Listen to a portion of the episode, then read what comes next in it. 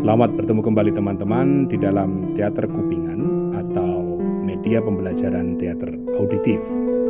Kali ini kita akan sedikit membahas tentang jenis, bentuk, pertunjukan, dan gaya pementasan teater. Jenis-jenis teater dapat kita pandang dari satu, sudut cerita, dari mana cerita tersebut berasal. Dari sudut cerita ini, teater ada dua, yaitu teater berbasis teks dan teater improvisasi. Yang kedua, dari cara mengajarkannya atau cara melatihkannya dari sudut pandang ini dapat ditengarai ada dua juga, yaitu teater tradisional, di mana cara pengajaran dan pelatihannya bersifat turun-temurun, dan teater modern. Sementara itu, bentuk-bentuk pementasan teater dapat uh, dibedakan sebagai berikut. Yang pertama, teater dramatik.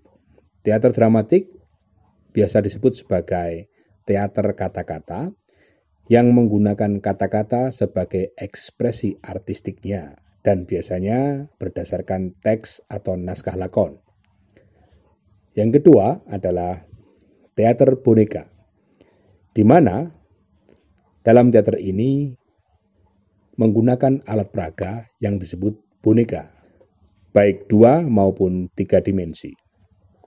Berikutnya, teater musikal atau drama musikal, di mana ciri utamanya adalah ekspresi artistik yang ditampilkan itu berbasis musik, di mana dialognya juga disampaikan melalui nyanyian dan banyak iringan musik di dalamnya.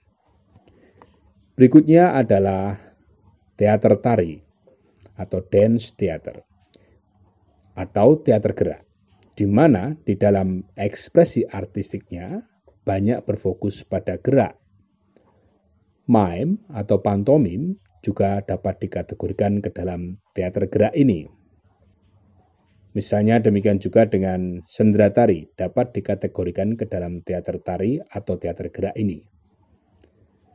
Berikutnya ada yang disebut dengan teatrikalisasi puisi Bahan dasar dari teater ini adalah puisi yang dirangkai atau disusun sedemikian rupa sehingga mengikuti struktur drama sehingga dapat dipentaskan sebagai sebuah teater. Nah, berikutnya adalah gaya pementasan. Gaya pementasan teater menurut Mary McTeague dapat dibagi menjadi tiga gaya besar.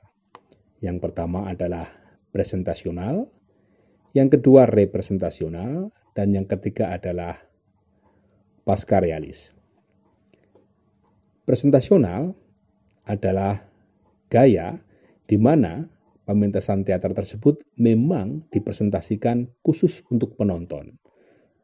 Umumnya memiliki ciri bahasa puitis, gerak-gerak yang diperbesar, pemain dapat berbicara langsung dengan penonton, dan semua ekspresi artistik pemain memang ditujukan atau dikomunikasikan kepada penonton. Sementara itu dalam teater representasional atau teater realis, ciri-cirinya justru berkebalikan. Di mana para pemain tidak bermain untuk penonton, tapi para pemain saling bermain di antara mereka sendiri. Oleh karena itu, teater realis menciptakan dinding keempat yang disebut sebagai dinding imajiner yang justru membatasi antara pemain dan penonton. Bahasa-bahasa yang digunakan pun tidak harus bahasa puitis, tapi justru bahasa sehari-hari. Gaya berikutnya adalah pasca realis, yaitu gaya yang lahir setelah gaya realis. Gaya ini memiliki banyak cabang, tapi ciri utamanya adalah mencampurkan atau sering kali mencampurkan antara gaya presentasional dan representasional. Persinggungan dengan penonton pun dimungkinkan, bahkan persinggungan secara langsung atau secara fisik diperbolehkan. Secara umum, gaya pasca realis ini adalah gaya yang lebih bebas, lebih lentur, dan lebih leluasa bagi seniman untuk mengekspresikan dirinya. Demikian teman-teman, sekilas bahasan tentang jenis, bentuk, dan gaya pementasan teater.